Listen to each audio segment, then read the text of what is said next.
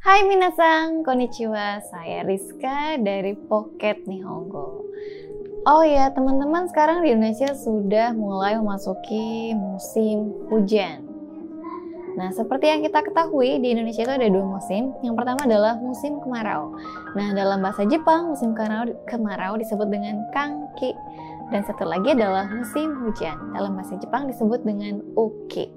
Nah, di Jepang sendiri, Negara Jepang merupakan negara yang memiliki empat musim. Yang pertama adalah Haru, musim semi, Natsu, musim panas, kemudian yang ketiga ada Aki, musim gugur, dan yang terakhir adalah Fuyu, musim dingin.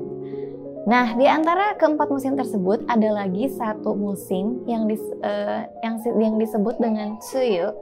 Nah, Tsuyu ini adalah musim hujan. Musim hujan? Loh, katanya tadi di Jepang ada empat musim. Lalu seandainya di Jepang ada musim hujan, kapan terjadinya suyu?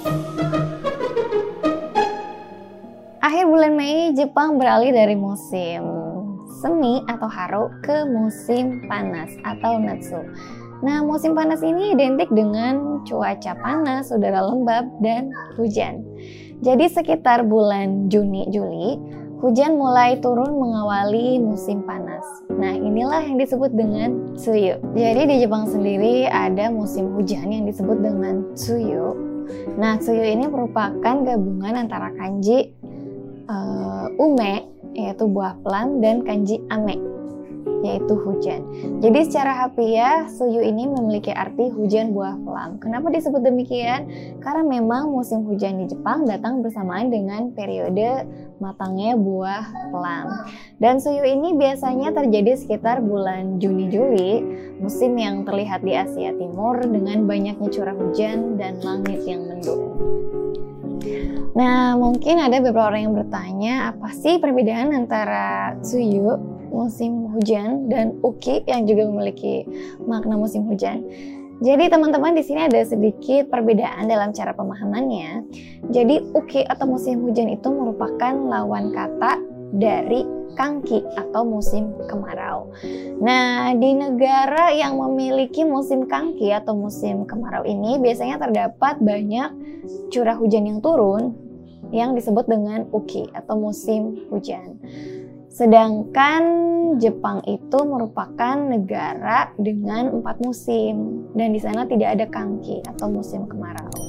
Oleh sebab itu di Jepang tidak ada uki melainkan tsuyu. Nah tsuyu ini merupakan uh, hujan yang turun di awal musim panas. Teman-teman tahu nggak sih berapa jumlah hujan yang turun dalam satu tahun di Jepang? Jadi dalam satu tahun rata-rata hujan yang turun di Jepang itu sekitar 1.800 sampai 2.000 mm. Kalau di acara global, Jepang adalah negara yang memiliki kuantitas hujan yang tinggi. Nah, karena hujan jadi bagian yang tidak terlepaskan dari keseharian warga Jepang, maka e, banyak sekali ungkapan kata hujan yang ada dalam bahasa Jepang. Ada sekitar 390 ungkapan uh, dalam ungkapan kata hujan dalam bahasa Jepang dan itu pun belum ditambah dialek. Mungkin kalau ditambah akan lebih banyak lagi ungkapan yang menggambarkan uh, kata hujan. Mungkin ada yang pernah dengar kata niwaka ame, rayu, tori ame, kiri same. Nah, kalau belum, coba deh simak penjelasannya. Yang pertama ada kata niwaka ame. Jadi niwaka ame ini merupakan ungkapan hujan yang menggambarkan hujan yang tiba-tiba turun tapi nggak lama setelahnya hujannya berhenti. Nah, kalau dalam bahasa Indonesia hujan seperti ini disebut hujan apa ya? Nah, yang kedua ada kata rayu. Nah, ungkapan rayu ini kalau dilihat dari kanjinya mungkin teman-teman sudah bisa nebak ya. Kanji sendiri merupakan gabungan antara kanji kaminari yang berarti petir dan kanji hujan. Jadi rayu ini merupakan ungkapan hujan yang menggambarkan hujan lebat disertai dengan petir. Nah, selanjutnya ada kata tori ame. Tori ame ini merupakan ungkapan hujan yang menggambarkan hujan yang hanya datang selewat hanya sebentar saja. Hujan selewat tori ame.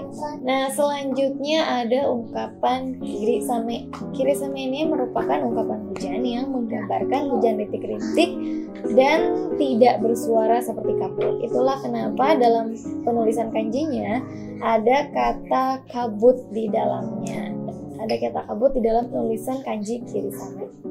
Kalau di kita mungkin kiri sama itu disebut dengan gerimis ya. Selanjutnya ada ungkapan kitsune no yomeri. Jadi kitsune no yomeri ini merupakan ungkapan hujan yang menggambarkan hujan yang turun di saat cuaca yang cerah.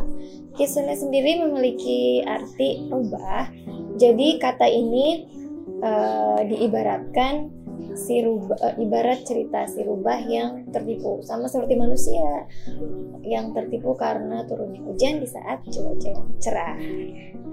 Atau dalam bahasa daerah saya sih kitsune yomeri ini sering juga disebut dengan hujan poyan. Sekarang kita belajar kosakata yang berhubungan dengan hujan. Oh ame contohnya oh ame de bisho nure ni naru 長靴、contohnya, 梅雨にお気に入りの長靴を履く。天気予報、天気予報が当たる。傘、contohnya, 傘を持つのを忘れてしまった。